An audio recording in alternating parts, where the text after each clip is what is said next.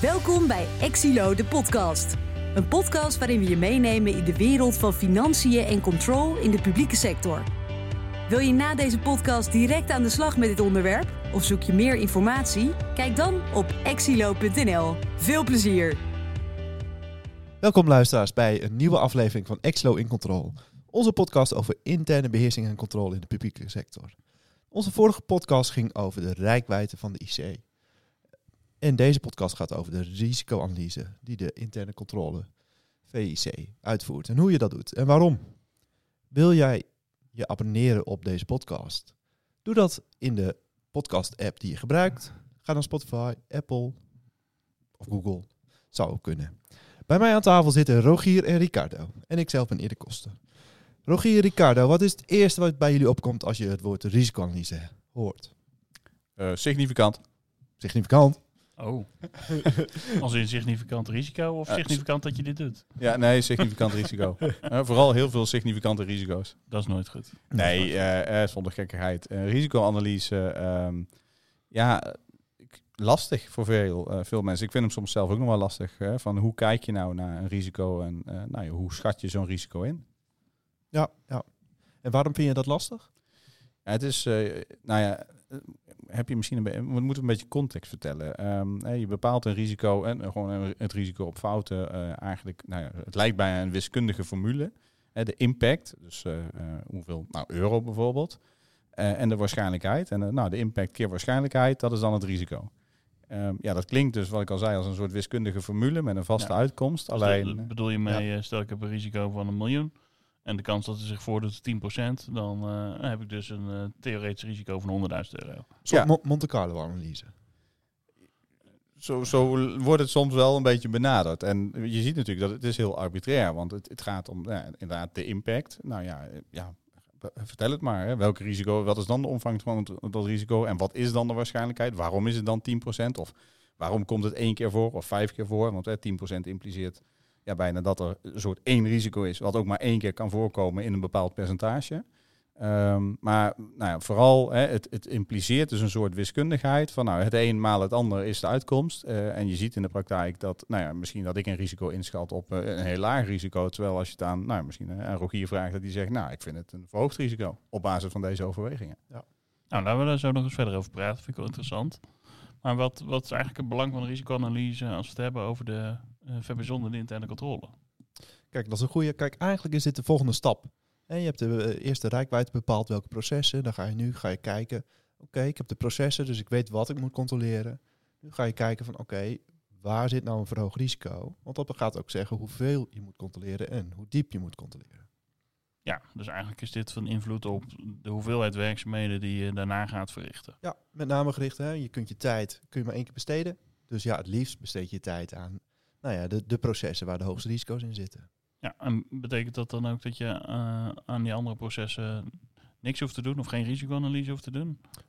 Nee, dat betekent dat niet helaas. Dus ook voor, voor eigenlijk voor de lage risico's, hè, dan nog moet je daar wel iets aan doen. Ja, dus eigenlijk zeg je wel, je moet eigenlijk op al die stromen die uit die rijkwijdefase komen, daar doe je de risicoanalyse op. Ja. En, en vervolgens concludeer je daaruit, er zijn een aantal eh, waar een verhoogd risico zit. En daar moet je later extra werkzaamheden op gaan doen. Ja. Dus dat is eigenlijk hoe de risicoanalyse zich verhoudt tot de verbijzonderde interne controle. Maar is dat dan ook een oproep om je risico's specifiek te maken, als het een effect heeft op de omvang van het werk? Zo specifiek mogelijk. Hebben we een voorbeeld van wat, wat, we, wat is dan specifiek? Eh, nou ja, misschien een voorbeeld wat je kan hebben is eh, eh, risico, eh, nou, laten we zeggen de jeugdzorg. Je kunt zeggen, nou, alle lasten rondom de jeugdzorg is een verhoogd risico. Ehm, ja, dat is heel breed. Hè, want waar gaat het dan eigenlijk om? Gaat het om alle soorten jeugdzorg of om een heel specifiek onderdeel? Eh, de andere kant is, ja, misschien gaat het maar om één aspect. Hè.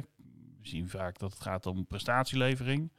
Ja, dan zou je dus ook kunnen zeggen van, joh, het gaat alleen om de specialistische jeugdhulp en dan het aspect prestatielevering. Daar zit het verhoogd risico.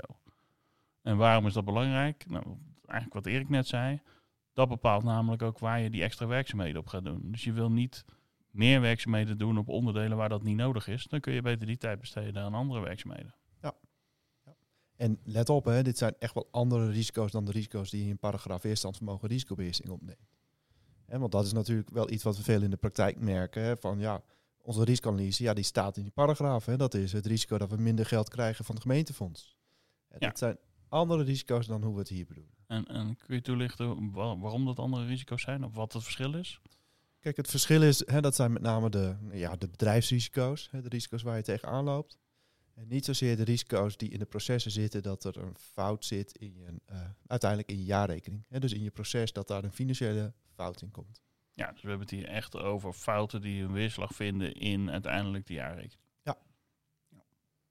Ja, wat wel, eh, eh, waar je het soms wel voor zou kunnen gebruiken, is eh, om te kijken of je helemaal volledig bent. Hè. Ook nog even teruggrijpen bijvoorbeeld op die rijkwijde. hè. Stel nou dat je in de risicoparagraaf iets leest over een, een risico op een claim of iets wat bijvoorbeeld een soort voorziening zou kunnen zijn. Ja, dan zou dat natuurlijk wel een indicator kunnen zijn dat je in je rijkwijde misschien eh, onvolledig bent geweest. Ja, dus je kunt het wel gebruiken als input, zeg je daarmee. Maar eh, het is niet de basis om te zeggen van nou, ik heb daaraan voldoende om even bijzonder de interne controle op te baseren. Ja, dat is denk ik ook de oproep die ik, eh, eh, die ik daarmee nou ja, eh, impliciet doe. Is, ehm, kijk, je, je hebt natuurlijk een eigen of zelfstandige verantwoordelijkheid hè, om zelf je risico's te bepalen. Zeker als je zo'n zo'n FIC-positie echt onafhankelijk eh, positioneert. Maar aan de andere kant, ja, trek ook gewoon het proces erbij. Hè? Dus de, de, de lijnmanagers of de mensen van het proces. En vraag ook eens aan hen, joh, welke risico's zie jij nou in, in het proces waar, jij, of, waar je verantwoordelijk voor bent? Dat is wel een mooi bruggetje naar een vraag van een luisteraar die we hebben gehad. Eh, en dat is eigenlijk als je nou kijkt naar die risico's van ja, hoe bepaal je nou eigenlijk zo'n risico? Wie doet dat in de organisatie? Wie is daar nou verantwoordelijk voor? We hebben een risicomanager, we hebben een Ja. proceseigenaar, we hebben, we hebben zonder de interne controle. Wie is nou eigenlijk aan zet als je het hebt over de risicoanalyse? Nou, kijk, als je kijkt, de risicoanalyse, die, hè, voor je interne controle ben je zelf aan zet als VB zonder interne controle. Hè, dat is uiteindelijk jouw verantwoording, want dat betekent hoe jij eh, uiteindelijk inschat welke werkzaamheden je moet doen. Hè, dus de kans dat er een financiële fout in komt. Eh, zeg niet dat je de mensen niet moet betrekken, maar uiteindelijk is het jouw verantwoording. Dus wat, wat doe je dan? ehm, nou ja, stel hè, ik heb een, een proceseigenaar, die heb ik betrokken. Ik, nou, ik ben misschien het proces met diegene aan het bespreken. En ehm voorgaand jaar hadden we veel problemen op dat proces. Ja. En ik leg bij diegene neer van, nou ja, weet je, gelet op de bevindingen van afgelopen jaar, vind ik dat om die en die redenen het een verhoogd risico is. En zo'n proceseigenaar zegt, nou ja, ach, hè, ik, heb, eh, al, ik heb hartstikke goede interne beheersingsmaatregelen. Er is toch helemaal niks aan de hand. Mag je dan zeggen van, oh ja, gelet op, eh, eh, wordt het een normaal risico? Of ga ik mee in? Of hoe, hoe, nou, wat zou je dan moeten doen? Kijk, wat je veel hoort, hè, dat is wel interessant, hè, wat je zegt. En dit is, ja, dit, in praktijk maken we dit heel veel mee. Vaak hè, een proceseigenaar die kijkt naar zijn interne beheersing die hij al heeft. En deze risicoanalyse gaat eigenlijk uit van het inherente risico. Dus het risico zonder de interne beheersingsmaatregelen. Ja, dus eigenlijk voordat de interne beheersing überhaupt in beeld komt. Ja, ja. Ja, alsof er geen interne beheersing zou zijn, bij wijze van. Ja. Hey, en ik zie hier eh, nog een luisteraarsvraag. En dat is eigenlijk, hoe bepaal je nou hoe hoog zo'n risico is? Hè? Dus wanneer is een risico nu verhoogd? Ik hoorde jou net volgens mij zeggen, Erik, van, joh, je hebt normaal en verhoogd. Zijn dat alles maken? Of, en, en hoe bepaal je dan in welk bakje die valt? Kijk, uiteindelijk gaat het hier om je eigen inschatting. Hè, dus eh, vaak kijken we naar drie smaken. Dus eh, normaal, eh, verhoogd en significant, zoals we dat dan noemen. Hè. Ricardo die zei het in het begin al. nou ja, significant, ja, dat zijn de echt nou ja, de, de, de, de risico's waar het om gaat.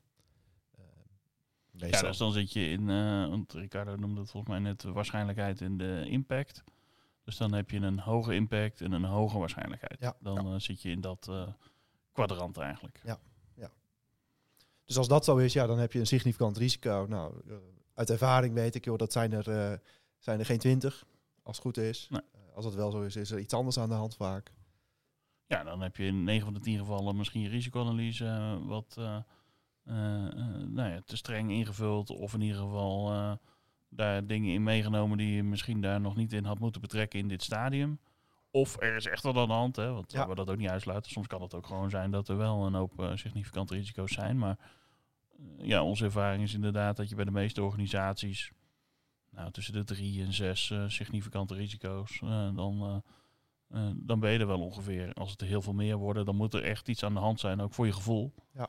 En anders dan zit er een soort mismatch tussen je gevoel en hoe je dat vertaalt in de risicoanalyse. Tenminste, is mijn beeld. Ja, nee, ja, kan ik inderdaad bevestigen. Wat ik nog wel eens zie is in de praktijk dat eh, de risicoanalyse misbruikt wordt om bepaalde bewegingen te creëren in een organisatie. Dus dan je zegt van nou ja, ik, ik heb het gevoel dat dat proces Ja. niet op orde is, dus het is een significant risico. En dat is denk ik ook gelijk het lastige. Hè. Je wilt zo'n risicoanalyse natuurlijk zoveel mogelijk objectiveren. Ehm, maar nou ja, ik schetste net al, ja, het is niet altijd te objectiveren. Het is natuurlijk ja, soms ook gewoon bijna een persoonlijke mening of een, een persoonlijke visie Ja. erop. En ehm, nou, ik zei ook al, zelfs ik vind, nou goed, met mijn historisch accountant toch soms ook best wel lastig. eh, dat je denkt, ja, op basis van waar, eh, van welke overwegingen vind ik nou dat het dit of vind ik dat het dat is? Ja, nou, dat pleit er misschien ook al voor om het eh, nou, niet alleen te doen. Hè. Dus in ieder geval met collega's mm, binnen en buiten de VBZon de interne controle gewoon eens te sparren van goh joh, ja, herken jij je in, de, in het risico wat ik hier zie of heb je daar een heel ander beeld bij en waarom dan? Ja. Waar zitten dan die verschillen en wat, nou, hoe komen we dan uiteindelijk tot een consensus over die risicoanalyse? En leg dat ook vast hè, in je overwegingen. Van joh, waarom is dit een lage impact? Of waarom is dit nou een hoge impact? Ja. En dan kun je, kan iemand anders of dan kun je zelf later... eh, oh ja, nou, op basis van deze overwegingen vond ik toen dit. Ja, dat is logisch. Ja, en dan heb je ook iets waar je met elkaar over kan praten. Ja. En van, nou ja, op basis hiervan inderdaad, is dit mijn conclusie? Herken jij je daarin? Dus nou, ik vind inderdaad, ja, eigenlijk wat jullie beiden zeggen, hartstikke belangrijk. Leg het vast en praat erover. Hey, en nog even terug weer naar de luisteraarsvraag, want we hebben het nu gehad over de significante risico's. Hè. Die zijn dus een hoge waarschijnlijkheid en een hoge impact. Eh, maar we hebben ook nog een soort eh middenvariant, de verhoogde risico's. Ricardo, kun jij eh, wat meer duiden welke dat zijn? Ja, dat is alles wat dus eh, niet normaal is en niet significant. Dus eh, dan je toch even in dat impact maar waarschijnlijkheid. Dan zit je bijvoorbeeld in middel keer middel. Ehm, volgens mij eh, is het ook middel keer hoog. Dan zit je er ook nog in. Het is eigenlijk een... Ja, het model wat daarachter ligt is een model met... eh, ehm, is een kleurenmodel eigenlijk. En je hebt een soort vierkant met... Nou, ik weet even niet precies hoeveel. Volgens mij negen varianten inderdaad. Dat als je dit keer dat hebt, dan zit je rood. Dan zit je significant. Ja. Eh, heb je dit keer dit, dan is het groen. Dan zit je op normaal. Dat model doen we in onze show notes. Ja, laten we dat, nou, inderdaad, laten we dat doen. Lijkt me een goeie. Dan eh, weten de luisteraars ook waar we het over hebben. Eh, maar ook dat model, ja, dat, dat, eh, dat, dat impliceert dus ook weer, wat ik net ook alweer zei, die wiskundigheid die erachter zit. Eh, maar ja, verhoogd is dus ja, lastig. Hè? Dus het is iets wat, wat, ja, wat, wat niet normaal is. Hè? Dus waar je geen laag risico, waar je dus wel bepaalde redenen hebt om te denken van, nou, oké, hier zit misschien wel een risico dat. Hè? Dan moet je bijvoorbeeld denken aan eh, nou, bij de waarschijnlijkheid, ehm, of eh, sorry, bij de impact, dan heb je het over de euro's. Ja, dat het misschien een risico is wat zich ergens, nou, eh, tussen ongeveer de helft van je goedkeuringstolerantie begeeft, bijvoorbeeld. En de goedkeuringstolerantie, daar hebben we het natuurlijk vorige keer over gehad, eh, bij de rijkwijde, over hoe je die bepaalt. Ehm, dus dat zijn dan overwegingen die je dus mee gaat nemen. eigenlijk over dat je zegt van nou, het is misschien niet een risico dat dusdanig groot is dat het gelijk leidt tot een bevinding boven de verantwoordingsgrens of Ja. boven de goedkeuringstolerantie. Maar we kunnen het ook niet helemaal als normaal zien. Er is wel een redelijke kans dat er eh, een bevinding uit kan komen. Ja. Oké. Nou, Ja. hopelijk eh, geeft dat ook eh, wat antwoord op, op onze luisteraarsvraag. Ja, dat zal fijn zijn. Kijk, wat, wat moeilijk is, hè, is dat je de interne beheersing niet meeneemt. Ja. Nou, over de interne beheersing gaan we in onze volgende aflevering verder. Om dat te kijken van, joh, wat gebeurt er, wat moet je doen? Ja, dat is denk ik ook een vraag die in de praktijk heel veel leeft over hoe toets je nou eigenlijk die interne beheersing. Ja. Dat is een leuk onderwerp. Zeker. zeker. Nou, daarom ook wel een leuke oproep, hè, denk ik, richting de luisteraars van, nou ja, hoe gaan jullie daar nou in de praktijk mee om? Waar loop je nou tegenaan als je het over interne beheersingsmaatregelen hebt? En misschien ook wel in combinatie met zo'n risicoanalyse. Helemaal goed. Nou, hiermee ronden we deze mooie aflevering van onze podcast af. Beste luisteraars, we hopen dat jullie hiervan genoten hebben, dat, jullie, dat we jullie wat verder helpen. En we hopen je de volgende keer weer dat je naar ons luistert. En abonneer je vooral op onze podcast. Word vriend van Exlo in Control.